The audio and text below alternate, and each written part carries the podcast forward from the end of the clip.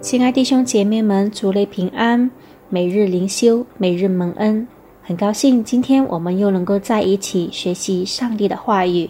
今天灵修的经文取自《路加福音》二十三章五十到五十六节，主题是在艰难时期服侍。在我们还没有进入灵修之前，请我们低头做一个祷告。在艰难时期服侍，这是一件何等美的事情！主啊，昔日有多少人说要跟随你，但真正能跟随你到底的又有多少个呢？然而，这能跟随你到底的，却为了我们今天留下了美好的见证。主啊，帮助我们。让我们真的不管在顺境或在逆境当中，使我们都能够有信心跟随你到底。感谢你，今天求你借着你自己的话语再次给我们力量，帮助我们坚固我们的信心。听我们祷告，奉耶稣的名，阿门。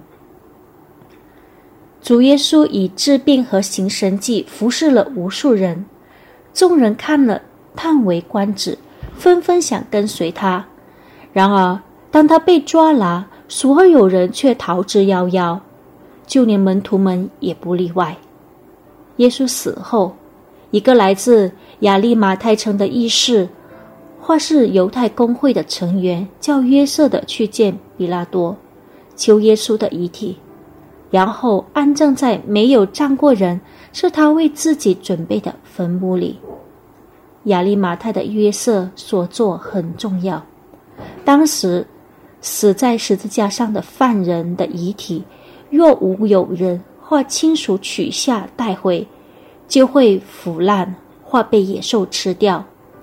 这位约瑟基于敬畏上帝的心，采取了有信心的行动。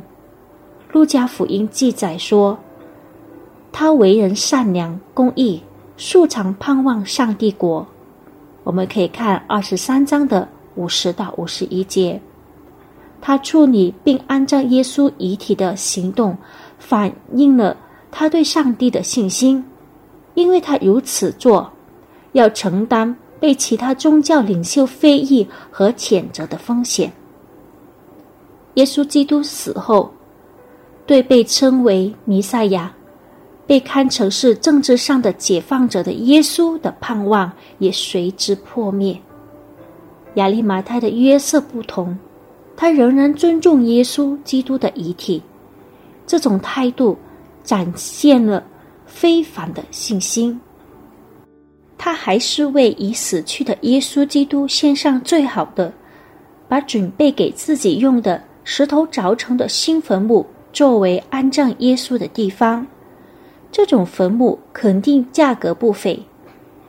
主耶稣在十字架上忍受极大痛苦时，对耶稣基督仍是忠心耿耿的亚利马泰的约瑟、尼格底木和妇女们虽然不多说话，但都是主耶稣的忠实的跟随者的典范。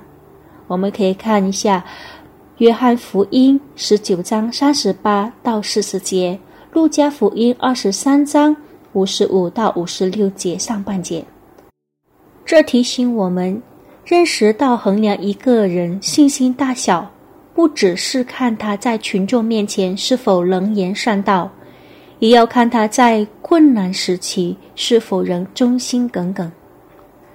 在这冠状病毒病大流行的困难时期，您是否仍然忠心耿耿的？侍奉耶稣基督，不仅在太平时期，即便在困难时期，也能忠心耿耿的侍奉，是我们真心实意爱耶稣基督的明证之一。好，下面请我们低头做一个祷告。主啊，若此时此刻我们的心中有软弱，并疲惫无力去服侍你时，你就借着今天的经文，借着今天的。亚利马泰的约瑟，他在艰难时期侍奉你的信心，来激励我们，好叫我们能够把下垂的手、发酸的腿能够重新得力，使我们不管在高山或低谷中都能够侍奉你到底。感谢你，主耶稣，听我们的祷告，奉耶稣的名，阿门。上帝祝福你们，耶稣爱你。